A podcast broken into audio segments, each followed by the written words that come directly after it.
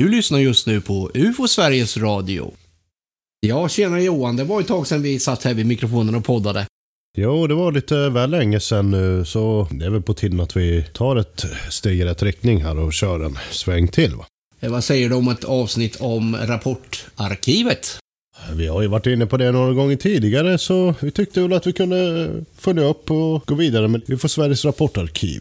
Men den här gången har vi ingen av oss förarbetat. Nej, i detta nu va, så är ju du och jag lika ovetande som vad vi kommer att prata om som lyssnarna helt enkelt. Det är lite unikt. Men eh, vi måste ju ha någonting att prata om och det är ju rapporter vi snackar om så att vi slumpar väl fram lite rapporter här. Ja, vi tänkte då att vi skulle låta urvalsprocessen ta sin gång här. Då börjar vi då med årtionde.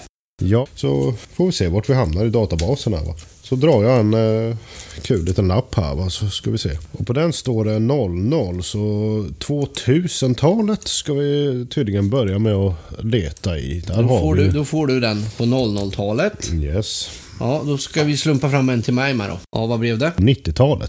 Ska vi anteckna lite här med? Ja, då tar du en till då till dig då. Jag tar den här. Och det har varit 70-tal också. Ja, det är bara 80-talet kvar till Då dig. tar jag en 80-tal. Ja, då ska vi ha Då ska vi ha ett år. på 00-talet. På 00-talet. Så det blir alltså 2004. 2004. Och så drar du en till mig här nu då. Och för dig vart eh, år 2, 1992. 1992. Ja, då kan du dra en till. tar jag den som ligger närmast. Då vart det år 5. 1975. Och så ska vi ha en sista. Och då är det 1988. Då ska vi lägga till några månader här då. Kör på bara. Då drar vi månad på detta. 2004 månad Månad maj 5. maj. Då är jag 1992. Vilken månad? September. Och sen har vi då 1975. Månaden blir februari. Och ett sista. Och då är vi på 80-tal. Då blir det månad 8. Visst hade du år 88 så Augusti blir det månad 8. 1988. Det är många åttor där. Då får ni lyssna på lite intromusik så återkommer vi.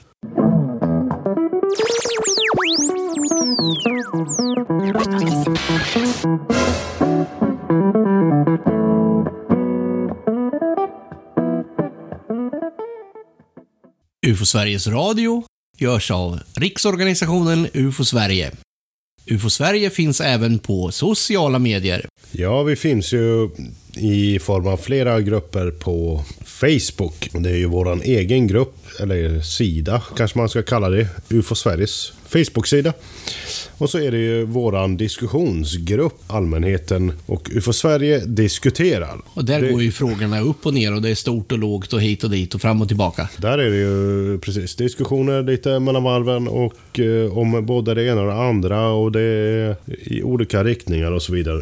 Ni som vill diskutera med oss, ni som vill ha synpunkter och så vidare får gärna engagera er i de här eh, frågorna på, på Facebook. Det är där vi för diskussionen nu för tiden. Så att där eh, pratas det ju ganska friskt ifrån både medlemmar inom föreningen och utomstående och om olika saker. Det är inte bara oss ni får prata med då, utan det är ju folk ifrån allmänheten överlag som namnet på gruppen då antyder. Och vi gör ju naturligtvis allt för att besvara de frågorna som ställs där. Det blir diskussioner eh, om de eh, ämnen som tas upp och de frågor som tas upp. Då får man ju kanske räkna lite grann med att eh, det kommer in andra och svarar också. Men vill man ha svar från UFO Sverige specifikt så är det ju bara att påpeka det så brukar ju våran Facebook-moderator koppla in de som är berörda. Så det brukar ju lösa sig i slutändan. UFO Sverige finns också som eh, frågeforum via e-mail. Vart är det man hör av sig då? Det bästa är väl egentligen om man mejlar allmänna frågor och funderingar till eh, våran infomail, info.ufo.se.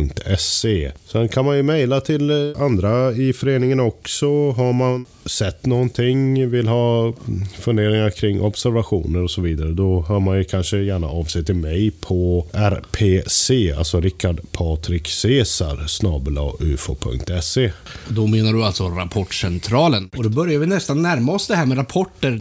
Ska vi ta vid där vi lämnade lyssnarna i sticket här för en liten stund sen kanske? Ja, det är nästan som att göra en liten tidsresa här. Vi har nu på någon timme här bara lyckats ta fram de här rapporterna som vi slumpade fram här. Vi var ju lite bakbundna här av eh, våran egen eh, urvalsprocess så att säga. Med tanke på att vi begränsade oss till år och månad så får vi ju helt enkelt nöja oss med det som finns där. Och det är ju tyvärr så att det är ju inte alltid guld och gröna skogar över det vi hittar i rapportarkivet under en specifik månad. Utan Nej, det är ju det som har samlats in. Det är ju bilden av den månaden som, som vi har att presentera. De månaderna jag fick fram här, de innehöll väl ungefär kanske tio rapporter. Ja, det var väl något liknande för min del här. Så att eh, det var lite att, att välja och vrida bland i och för sig. Men sen eh, beror det lite på hur utförligt dokumenterat materialet är och så. Ja, en del av de här rapporterna innehöll i princip bara en liten artikel urklippt ur någon, någon dagstidning någonstans. Ja, Det blir ju notis. inte riktigt vad vi kanske menar med rapporter. Nej, men vi får göra det bästa utav det här. Jag tänker lite grann vart eh,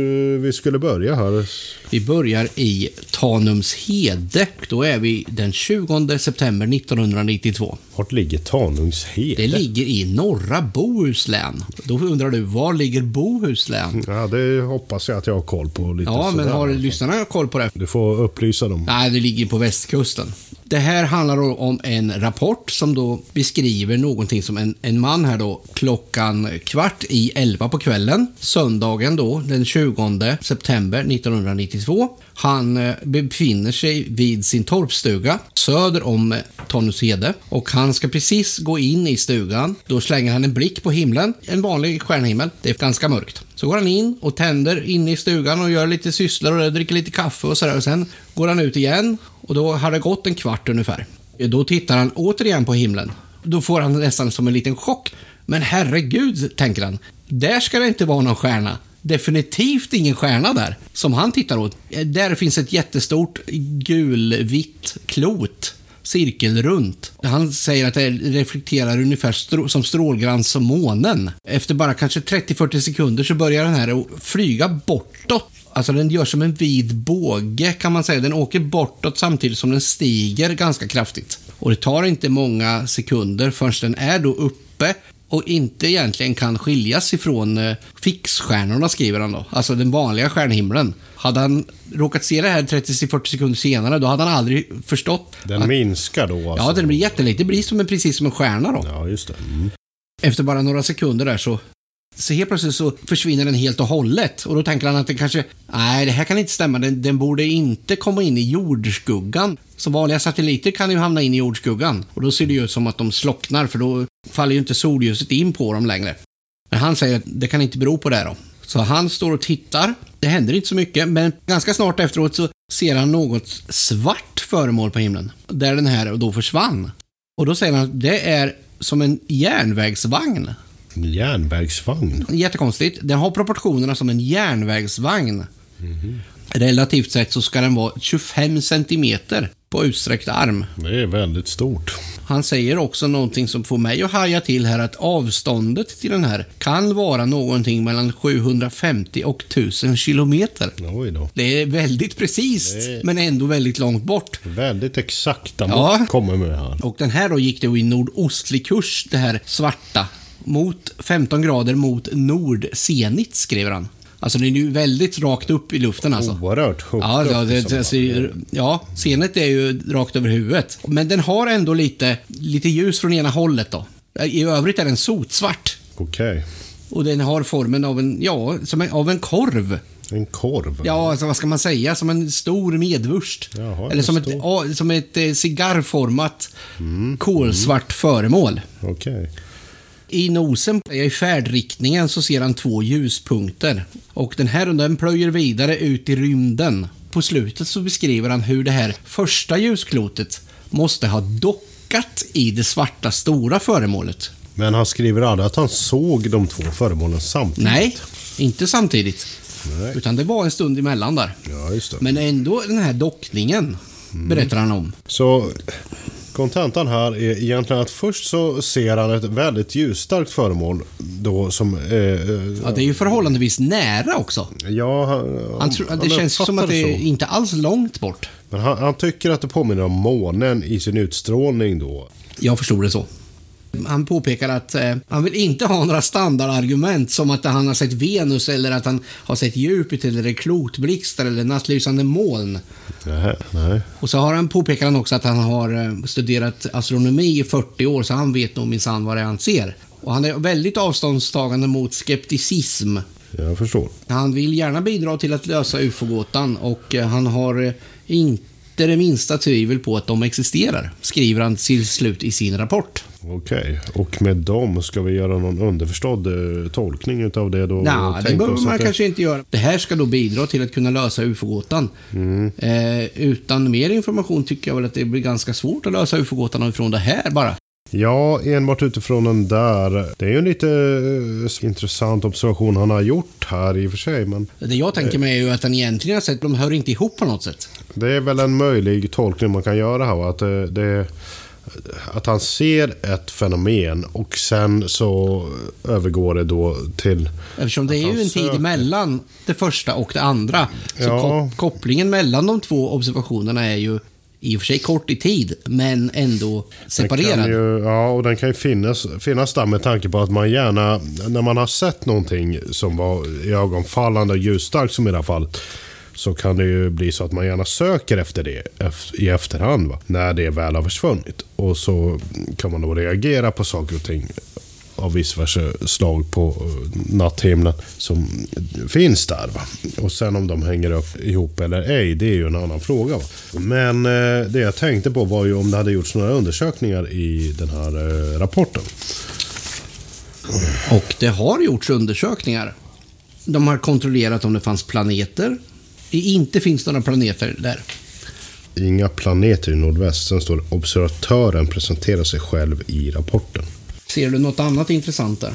Nej, det kan jag inte säga. Dock har den här rapporten gått vidare till den här bedömningsgruppen som vi har. Och de har kommit fram till, de flesta har nog skrivit här, svårbedömd. Någon har skrivit ej bedömbar och den sista här har skrivit UFO. Okej, så det är en som har bedömt den här rapporten som att den, eh, det är svår, svårt att se en enkel förklaring på den. Ja, och sen är det ju lite olika då motiveringar till vad man kommer fram till. Är det något förslag på förklaring där? eh, Nej, inte direkt. på- Att, Borde undersökas bättre. Intressant rapport. jo, men det står ju i nästan alla de här. eh, Det som jag tycker dock är lite intressant är att när rapporten skrevs ut och publicerades med en liten text så står det att, förenklat då, mannen gick ut från huset och fick omedelbart se ett tefatsstort stort ljussken i nordväst. Det flög bakåt, sedan uppåt, ändrade samtidigt färg till orange. Han säger sig också ha sett hur ljusfenomenet sedan dockade med ett moderskepp. Ja, Det har hänt lite mellan hans rapport och den texten. det har det gjort. Till det sämre skulle jag väl säga. Ja, det får jag väl instämma med. För man får ju inte riktigt samma uppfattning av den texten och själva rapporten. Nej, så Nej. är det ju. Eh, orange, det vet jag inte om du nämnde överhuvudtaget här. Det, Nej, och tefatsstort. Tefatsstort. Det är ju ännu värre. Ja, det är ju det är jättekonstigt. Var kom konstigt. det ifrån? Ja, nej, det är lite småkonstig men eh, ja. Men lite... jag håller ju med de här som har gjort den här bedömningen i bedömningsgruppen att den här är ju ganska intressant och personen har säkert sett någonting och den skulle behöva utredas mycket mer. Absolut. Det, eh, vi har ju sådana exempel i vårt arkiv med tanke på att vi är en ideell förening där eh, resurserna har varit sparsamma genom åren. Så finns det ju naturligtvis flera rapporter som borde undersökas och har undersökts bättre vid tiden. Det är ju därför vi har haft ett rullande arbete under flera års tid där vi har haft som ambition att, om att ta tag i äldre rapporter som behöver bearbetas mer idag. Va? Ibland kallade för cold case. Ja, det har vi gjort.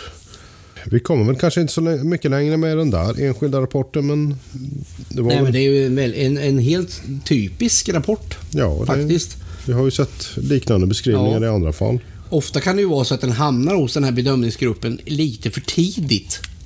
Men är ändå ganska lång tid efter. Man vill inte att, rapport, att det här ska hålla på för länge. Nej, precis. En utredning av en rapport måste gå ganska snabbt. Ja, det får lite- inte hålla på år efter år. Ja, det finns ju en risk för det. Sen eh, har det ju lite att göra med hur rapporten ser ut och vad det är för so- sorts ja, händelse och upplevelse också. Är det, handlar om liksom kontaktfall och sådana saker. De brukar dra ut på tiden. Men Och det är av ett annat ja. skede, eller av ett Precis. annat...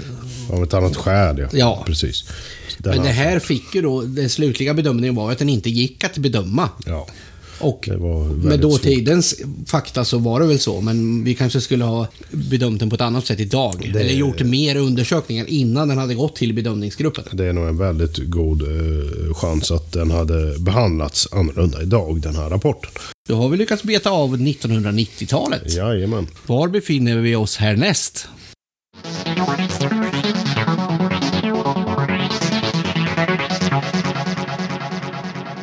Ja, härnäst befinner vi oss eh, strax utanför eh, Laxå kan vi säga. Det är en liten ort eh, som vi väl eh, kom fram till att den sannolikt ligger eh, någonstans i närheten av gränsen mellan Närke och eh, Västergötland.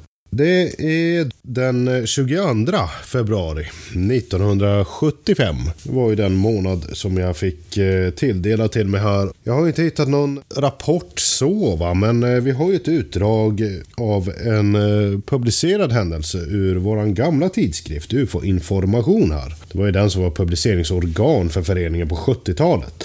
Då är det några observatörer här som har färdats med bil va, från Trollhättan och som kommer körandes upp här längs den här eh, vägen längs E3 då norrut utanför den här eh, lilla orten som heter Finnerödja. Det börjar då med, klockan är ungefär så här 18.50 ungefär på kvällen va. Och det börjar ju då med att de först får se lite blixtar va, på avstånd här. De skriver ju lite grann här efter att ha pratat med de här vittnena att eh, de iakttar först eh, ett par eh, snabba blixtar. Va? De liknar det man brukar säga vid ett åskoväder eh, jämförs lite grann med, med konblixtar. Och en konblixt, det är ju en vanlig blixt då, som man eh, bara ser ljuset utav. Men som man inte hör någon knall utav. Så de iakttar de här eh, blixtarna på håll lite grann först då. Och eh, de fortsätter framåt. Eh, klockan börjar närma sig 19-tiden där de kommer förbi det som kallas för Laxårondellen. Då får man återigen se det här skarpa ljuset och Det går lite tid däremellan uppenbarligen. Och eh, nu står det stilla istället va. För det, det har varit lite grann eh, att det har, Man kan väl säga som så att eh, det, det är lite... Det är inte helt klarlagt exakt hur det beter sig här va. Men det är åtminstone lite eh, mellanrum mellan eh, de här ljuskällorna. Men får du en uppfattning om om det är väderrelaterat? Nej, det framgår eh, inte i den här beskrivningen som jag har kikat på här. Va? Utan eh, det vi vet är att eh, de färdas längs eh, den här vägen och det är vid den här tiden på kvällen och de ser de här ljusen. Så, att, eh, så mycket mer än eh, den sortens info finns inte här.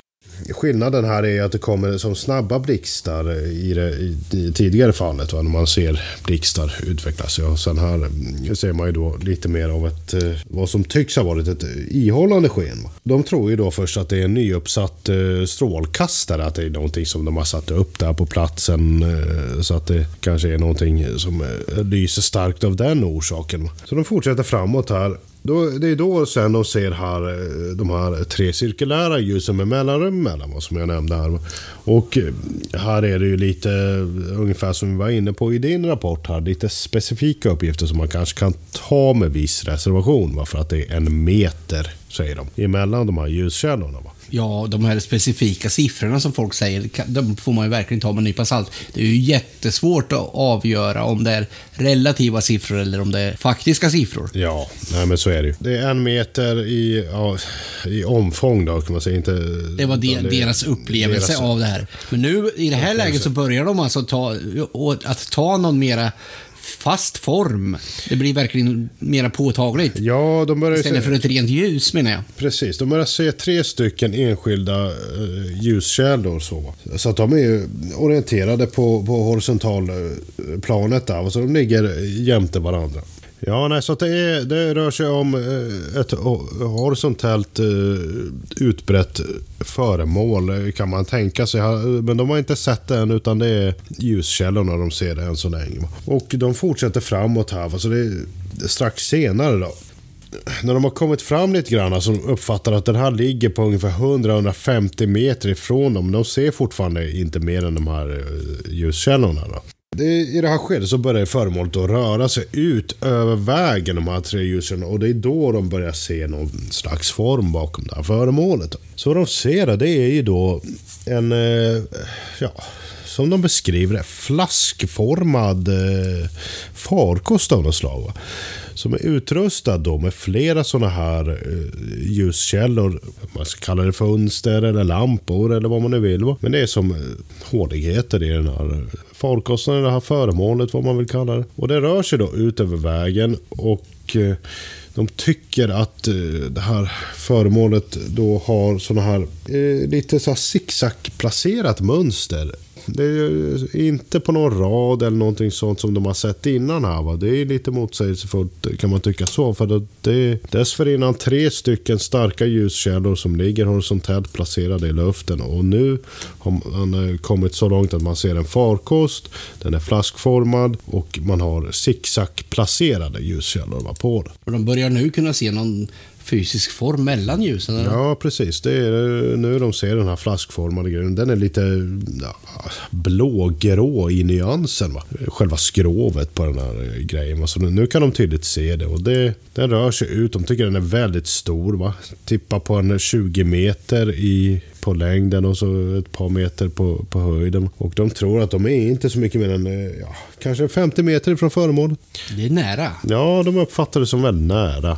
Och det rör sig ut då över vägen, passerar sen vägen och sen så gör det då en, en kursavvikelse och eh, rör sig bortåt. De hinner aldrig i fatten alltså? Nej, inte riktigt så. Det, jag kan titta lite grann här på en karta som fanns med som är gjord av eh, observatörernas beskrivning. Vad vi ser här är ju då hur eh, deras bil kommer i riktning mot den här grejen som då har de här tre starka lamporna i, i fronten. Sen är det nästan som att den här grejen passerar över, annars precis framför den här bilen. Så det, ja, de ser ju väldigt nära ut. Mm, de gör ju det. Och Eh, enligt den här illustrationen som vi ser här så är det ju då eh, lampor på sidan av föremålet. Som de ser när de ser det här zigzagmönstret och de föregående tre stycken de här lamporna med en, en meters diameter som de pratade om innan de är alltså då, ja, vad ska vi kalla dem, landningsstrålkastare eller någonting i den stilen. Det är liksom framlampor på den här grejen. Men de, de, i det här läget kan de verkligen se någonting mellan ljusen? En fysisk form ja. av något slag? Ja, ja, visst. Annars är det ju verkligen så att den, den mänskliga perceptionen alltid vill den skapa vill. mönster. Den fyller ut. Det är det jag menar, att, att, att eh, det här zigzag-mönstret. Mm, mm, absolut. Men det verkar vara väldigt symmetriskt. Det är väldigt symmetriskt enligt vad som har beskrivits i den här artikeln. Och de förlorar ju föremålet bort där sen med avståndet som det verkar. Utan det... Den drar iväg. Ja, den rör sig bort. Men den axar aldrig och sticker i någon sån eh, här Nej. våldsam fart. Utan den drar hyfsat lugnt och sansat hela tiden. Men den korsar inte bara vägen utan den följer med ändå deras rörelseriktning. Nej, inte riktigt. Men den, den åker inte helt... Eh, den åker inte helt... Ja, det är konstant. Men jag tänker vertikalt eller, eller vinkelrätt över vägen. Ja, den passerar vägen i en någorlunda konstant eh, bana men sen avviker den eh, och gör en kursavvikelse efter att ja, den har passerat vägen och då drar den bortåt. De tycker att den, den förlorar föremålet i riktning mot någonting som heter Vrestorp. Och de befinner sig då vid ett, eh, ett hotell där som heter, eller ett motell är det väl, som heter Gyllene bägaren. Det ligger någonstans där utanför Laxå. Och då har man redan passerat Laxå då? Hur lång observationstid är det? Ja, vi ska se om vi har några uppgifter om det. Det här är inget formulär jag sitter med här utan det är ju en artikel och här är lite godtyckligt vad som har valts att inkluderas. Men det hände alltså i februari 1975? Ja, precis. Nej, några... Och den här vägen som heter E3 har nog döpts om idag till E20 om någon verkar lite förvirrad. Det finns ju ingenting sånt eh, redovisat här. Va? Nu ska vi komma ihåg att det här är 1975. Va? Och eh, UFO Sverige var i sina barnsben och absolut väldigt... Eh, Rymdinspirerade var man ju då i början.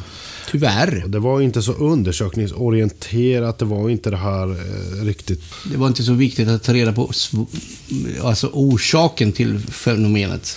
Men vad ska vi tänka oss då om vi bara ser till beskrivningen här och platsen och så vidare. Finns det, kan man bolla fram någonting här? Ja, jag ser många likheter med flygplansobservationer.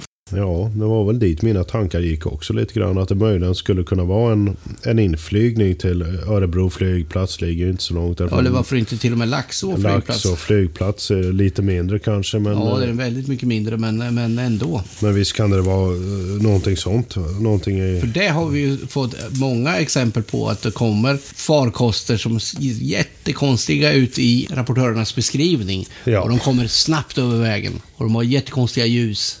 Och de försvinner ganska kvickt efter att de har passerat vägen. Ja, alltså vi har ju sett konstigare beskrivningar än så här av flygplan. Det tycker jag genom åren. Så att jag skulle inte någonstans vara beredd att avfärda eller utesluta att det här är ett flygplan innan det har kontrollerats. Och det är ju lite sent att göra idag va?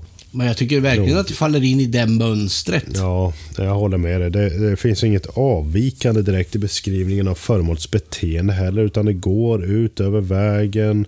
Det rör sig bortåt i, i lugn och sa- sansad takt som det verkar. Och, Och de har ju heller ingen möjlighet att höra några ljud eftersom de åker själva i en bil. ja, de sitter ju inneslutna. De, de pekar på det här att de har sommardäck och att de därför skulle ha hört. eh, De är inte lika liksom, distraherade av sin Motorljud och så vidare. Ja. Det, Ja. Nej, det är många faktorer som gör det. Har man dessutom en inflygning som inte har så långt kvar till, till banan, va, då, då kan han ju gå på väldigt lågt motorvarv. Och, och Ja, verkligen. så har vindarna med saken att göra också. Va, hur ljudet färdas. Så det, det är inget, inget konstigt alls. Det är väl en ja, inte helt ointressant eh, rapport som borde ha undersökts lite närmare. Den också kan vi väl konstatera. Man borde kollat med flygtrafiken för att eh, gå till botten med det. För är det så att det här inte var ett flygplan, då skulle det kunna ha eh, ett visst intressant värde.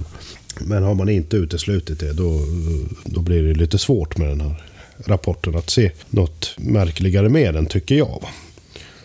Men det finns ingen mer information i den här mappen som det står 750222 på. Nej, det finns två försvarsblanketter om helt eh, andra rapporter. Så att, eh, det var bara det som fanns om, om den här eh, händelsen. En information ur vår gamla tidskrift. Och den här är väl, jag skulle vilja säga, ganska tidstypisk. Ja, det tycker jag. Absolut. 70-talsrapporter eh, hanterades ju ofta genom att man helt Ja. enkelt dokumenterade dem och publicerade dem. Det var det man gjorde Istället för att utreda dem och gräva sig ner till botten och verkligen försöka hitta ett svar. Ja. Man var nöjd med det helt enkelt. Ja, okej. Vart eh, tycker du att vi ska härnäst då?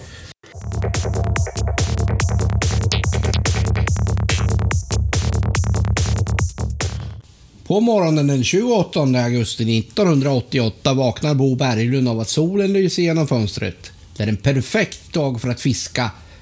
Fåglarna kvittrar, himlen är klarblå. Efter frukost tar han mopeden till sjön Sottern som ligger cirka 500 meter fågelvägen från fritidshuset mellan Uppsala och Norrtälje. Nu är det säkert någon av er lyssnare som undrar varför jag kan nämna hans namn här. Bo Berglund, observatören. Hur kommer det sig Johan att vi kan göra det? Det är ju så att vi brukar ju ofta utelämna observatörernas namn i sådana här sammanhang. Men i det här fallet så är ju det här ett ganska så välpublicerat fall. Det har ju förekommit i både vår egen tidskrift och i andra mediasammanhang genom åren. Så att vi tycker väl att eh, det är underförstått att observatören är ja, okej med att vi går ut med hans identitet i det här sammanhanget här. Ja, för den finns ju att hitta precis var som helst när man söker efter det här fallet och i UFO-sammanhang. Så är det. Det är en mycket intressant händelse här. När han kommer fram till den här sjön då, Sottern. Sjön ligger ju helt blank. Han tar fram sina fiskegrejer och ska börja fiska. Men han känner att det är inte riktigt... Stämningen är lite annorlunda. Han känner att han inte riktigt är ensam på något sätt. Och när han tittar upp i himlen så får han se något som ser ut som en bil. Som en mörk bil, 80 graders vinkel mot föremålet. Det faller liksom ner mot sjön i en sned vinkel väldigt, väldigt fort. Precis innan när det kommer till vattenytan då, han förväntar sig ett splash i vattenytan. Då byter den helt plötsligt vinkel och eh, planar ut kan man säga några meter ovanför vattenytan. Och följer då sjöns eh, förlängning i eh, östlig riktning mot det som är en liten förtätning, eller sjön är mera lite som ett timglas formad. Och där gör det här föremålet som en... Eh, den byter riktning för att följa, följa sjön då. Den zigzaggar till lite grann. Sen så försvinner den i sjöns förlängning ut ur hans synfält. Den kan inte längre se var den tar vägen sen. Mm, minst sagt egendomlig rapport det här får vi säga. Det har ju skrivits och publicerats en del om den här händelsen. Den har varit med i lite eh, pratmedia om jag får kalla det så av annat slag också. Vad kan man tänka sig kring en sån här grej? Han säger ju att den ser ut som en bil då när han såg den först. Ja, Men sen när den kommer närmare då kan han ju se att den är mera grovhuggen. Man skulle nästan kunna säga, alltså den har som facetter på sig. Ja, Den har som ytor som inte är symmetriska men ändå platta. Ja, lite precis. diamant åt diamanthållet. Ja, ja, men verkligen inte tycker- symmetriskt. Som en grovhuggen bergkristall kanske man skulle kunna säga. Vi har ju en skiss framför ögonen här kan vi understryka så att folk förstår vad det är vi tittar på när vi gör den här, eller försöker hitta ord för en beskrivning. Här. Ja, hur ska man beskriva? Den är ju liksom som oval i sin Ja, den är lite som en limpa skulle man kanske kunna Ja. säga i formen. Fast med plana uthuggna ytor. En sten, alltså en diamant tycker jag är bra Ja. förklarat. Och lite spetsig fram och... Men väldigt stor då. Ja, det var ju så- inte långt ifrån honom. Nej, Så han hann ju verkligen att se den väldigt bra. det kan ju inte Även vara... om det gick väldigt fort och han blev ganska chockad där precis när den... Han förväntade sig ju att den skulle slå i vattnet. Det var ju Ja. det helt naturliga. Det kan man ju förstå. Han står ju på någon eh, liten brygga. Det kan inte vara så långt ifrån honom. Och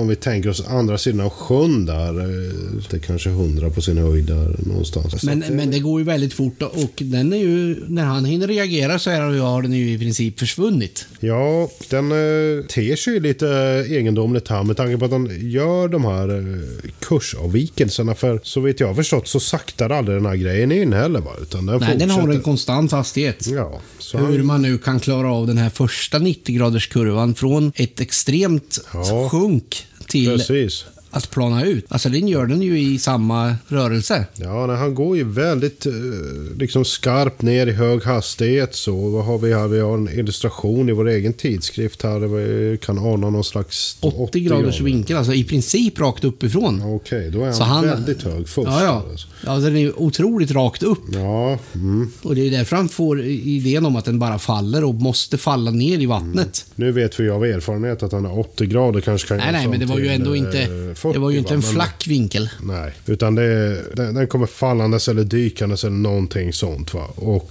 eh, sen gör den här väldigt kraftiga kursavvikelsen och då har vi 90 grader. Och den slår inte i vattnet. Nej, och så fortsätter han sen raka vägen längs med sjön och så viker han av för den här lilla tätningen i sjön och så sticker Ja, den, den följer ju alltså vegetationen vid sidan av sjön för att inte köra sig in i skogen. Ja, det är navigering vi pratar om här. Och Det, Intelligent styrd navigering skulle jag säga. jag håller med dig. Men det finns ju ingenting som tyder på att den skulle vara... Idag skulle folk säga drönare gissar jag. Det tror jag absolut att de skulle ha gjort. Men Men det finns 80-tal. inget tydligt tecken på det. Nej. Det finns ingen framdrivningsfunktion som man kan se. Inga vingar av något slag. Är ingenting. Och det fanns heller inga utblås, inget, ingen rök. Nej, och inget ljud heller. Han hörde ju ingen ljudbang, det var ju inget uh, motor, det fanns ingenting överhuvudtaget. Utan han, det som drog hans uppmärksamhet till den här grejen, det var ju att han fick en känsla helt enkelt.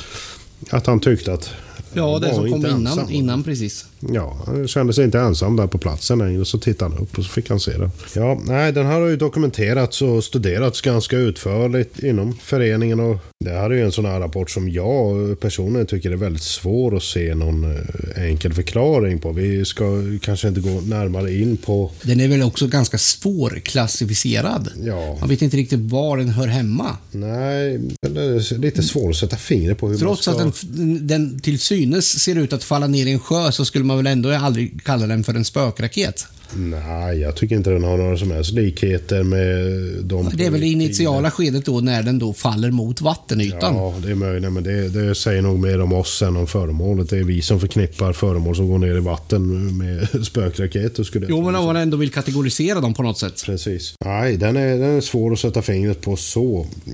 Det har ju presenterats, eh, Claes Svahn har ju skrivit om det här fallet och det har ju presenterats eh, utförligare analyser eller studier av den här händelsen än vad vi har för avsikt att presentera här. Va? Så om eh, ni är intresserade av att läsa mer om den här händelsen så kan ni ju kika i, i Claes Svans tidigare böcker och den har ju som sagt även förekommit i annan media.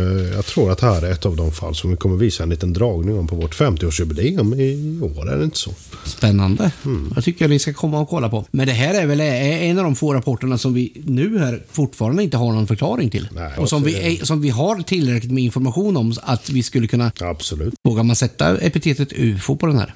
Ja, jag skulle hellre vilja gå igenom allt utförligt material och se hur noggranna undersökningar som gjordes där och då för att sträcka mig så långt, men eh, nog är den... Men det ligger i farans riktning. En sån eh, eventualitet. Sen är det alltid det här med att man har att göra med ett ensamt vittne. Det är naturligtvis mediokert i, ur ett vittnespsykologiskt perspektiv, men som observation ändå. Alltså det är dagsljus, det är tydlig, alltså man, man har en skarp upplevelse. Va?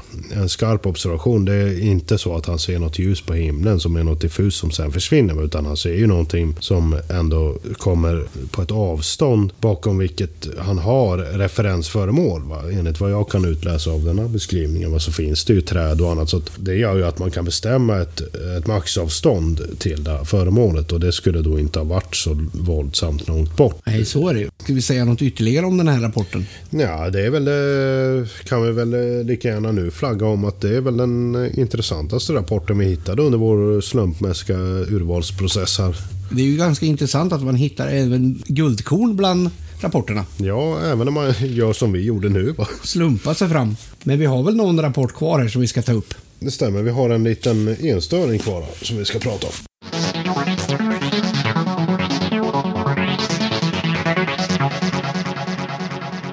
Enstöring säger du. Menar du något speciellt med det då? Att den skulle vara udda på något sätt, den här rapporten? Uh, nej, det kan jag väl ändå inte påstå. Uh, vi sa ju det innan här att uh, när man väl ger sig in i sådana här ja, slumpvalsprocesser som vi gjorde här så får man ibland nöja sig med det som finns. Va? Och nu drog jag den uh, taskiga nitlotten att välja 2004 i maj. Va?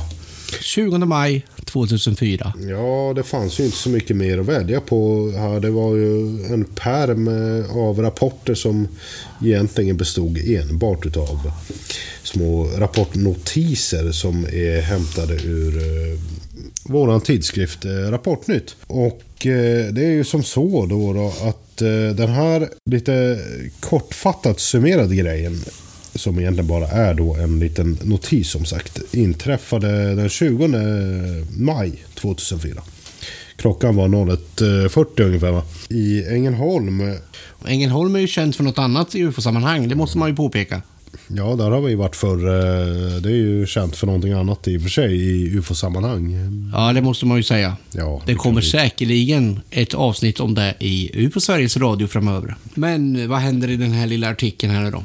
Ja, det som står i den här kortfattade artikeln är ju eh, egentligen då att en man eh, upptäcker helt enkelt ett, vad han har beskrivit som rektangulärt föremål då, på cirka, som han skriver, 2000 fot. Så det är lite konverteringsjobb som krävs av en fot. Det, ja, det känner vi ju igen. En del vill ju gärna svänga sig med sådana fina termer som fot, bara för att de har varit i närheten av flygbranschen. Ja. För där använder man ju fot när man pratar om höjdled och höjder och så vidare. Vad har vi för höjd på 2000 fot? Ja, man får slå den där i tre. Vart hamnar vi då? Det 2000 blir... fot, det är kanske 700? Ja, någonstans där omkring. Så det är inte så här våldsamt högt upp som han uppfattar det. Och han eh, har även satt en hastighet här på det här föremålet som snabbt eh, cirka 800 km i timmen står det. Rör Där använder han sig inte av knop, vilket man gör i flyget. Ja, nej, han gör en liten eh, kombo där. Ja. ja, precis. Eh, men den rör sig söderut i alla fall i 800 km i timmen, vilket vi kan ta för givet är en uppskattning. Sen så gör det här föremålet eh, en, en kursavvikelse och drar vidare mot sydväst va, under observationens gång där och sen försvinner och det framgår helt enkelt inte hur här va, utan vi kan kanske anta att det försvinner med avståndet där, utifrån den korta beskrivning som finns. Men eh, det som det här vittnet uppfattar då är att eh, föremålet ändå var någorlunda likt ett flygplan. Det är ju rektangulärt va. Och det har ju någon form av, eh, av vingar helt enkelt. Men det som står här är att eh, observatören kunde konstatera att föremålet inte var ett traditionellt flygplan av känd typ. Inget motorljud kunde höras, är någonting som har understrukits här. Och föremålet hade rektangulära vingar. Va? Ja, det kan man ju tolka lite grann som man vill va, men... Eh, Vanliga flygplan då som är konventionella, hur, hur deras vingar? Ja, Är de inte rektangulära? det är väl vad jag skulle kalla dem i och för sig. De är lite avsmalnade så, kan väl tilläggas. De men, sticker ut från flygplanskroppen. ja, precis. Nej, det, Det brukar väl vingar göra, men men det, ja, det är en sån här lite svårtolkad uppgift så, va, får man säga. Eh, han kunde även se mindre, också rektangulära ljusfenomen där, infällda i, i profilen. Va, och så en även svag ljusslinga runt konturen. Va, så att det är någonting ljus som sträcker sig runt hela den här konturen. Så att den är liksom omgiven av, ja som sagt, en ljusslinga. Och så är det några inbuktningar av något slag där det är eh, svag, någon form av, av ljusfenomen. Va? Ja, där upphör ju beskrivningen eh, som vi har att tillgå här. Så att det är väl ungefär det vi har att spela på. Va? ja. Den vanliga beskrivningen brukar ju snarare vara det där att man ifrånsäger sig att det absolut inte är ett flygplan. Mm, precis. Det I det här fallet är han ju inte så pass ödmjuk så att det är ett ovanligt flygplan. Ja, det är, det är en flygplanslikt men ändå någonting speciellt med det. Någonting ovanligt. Och då tror ju jag, om jag får lägga min idé om att det inte egentligen är flygplanen som är ovanligt utan det är observationsförhållandena som är ovanliga. Mm. De eh, har vi ju sett exempel på tidigare, men jag måste ändå bolla en, en fråga tillbaka till dig med tanke på att vi ändå har med den här rapporten att göra. Det här är ju 2004. Drönarna var inte lika vanliga som de är idag, men du har ju ändå flugit modellflyg, Tobias. Vad, vad tror du? Har du sett kollegor i den branschen sätta ljusslingor på, på flygplan? Det är, det är ovanligt. Det som är däremot ännu mer ovanligt är att man är ute och flyger 22 på natten. Ja, Det är extremt ovanligt. det är ju kanske lite piggt för... för Det är, det är nog snarare sådana som då, om man skulle ge sig ut och flyga mitt i natten, då är man inte en riktig modellflygare. Då är man någon slags Ja, eh, då är man nog mera en, eh, halventusiast sådär kanske. ja, sån som vill experimentera eller kanske göra något annat test på något sätt. ja. Men jag tror ingen skulle vilja eh, äventyra sina modeller mitt i natten och flyga så. Det är Nej. otroligt svårt att flyga utan referenser. När vi pratar modellflygare nu så pratar vi de mer hängivna. Ja, även och de, alltså typ traditionella fl- modellflyg måste man ju aktivt flyga. Det är ju inte som dagens drönare där du behöver inte kunna någonting. Nej. Det är ju i princip bara att trycka på knappen så flyger apparaten av sig själv. Jo, precis. Men de här modellflygplanen måste man ju aktivt flyga och aktivt landa. Ja. Och det gör man inte utan referenser, särskilt inte i mörker. Nej. Så den teorin tror jag betydligt mindre på. Däremot ett konventionellt flygplan, ett litet kanske möjligen. Jo, det är väl dit mina tankar skulle gå innan motsatsen är bevisad också i ett sånt här fall. Det är eh, absolut inte ovanligt med konstigare rapporter än så här om flygplan. Så att eh, det... Och flygplan är väl en av de mest frekventa rapporterna vi får. Ja, vi får ju fortfarande regelbundet rapporter om flygplan. Visst är det så. Så att det...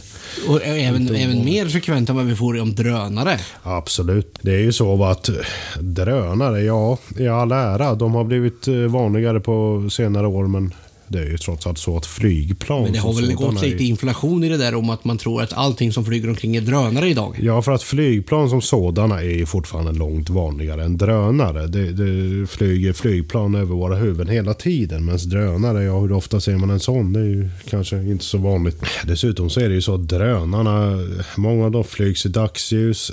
Färre av dem flygs i mörker. Flygplan flygs hela tiden. Och drönare går på väldigt låg höjd i många fall. Va?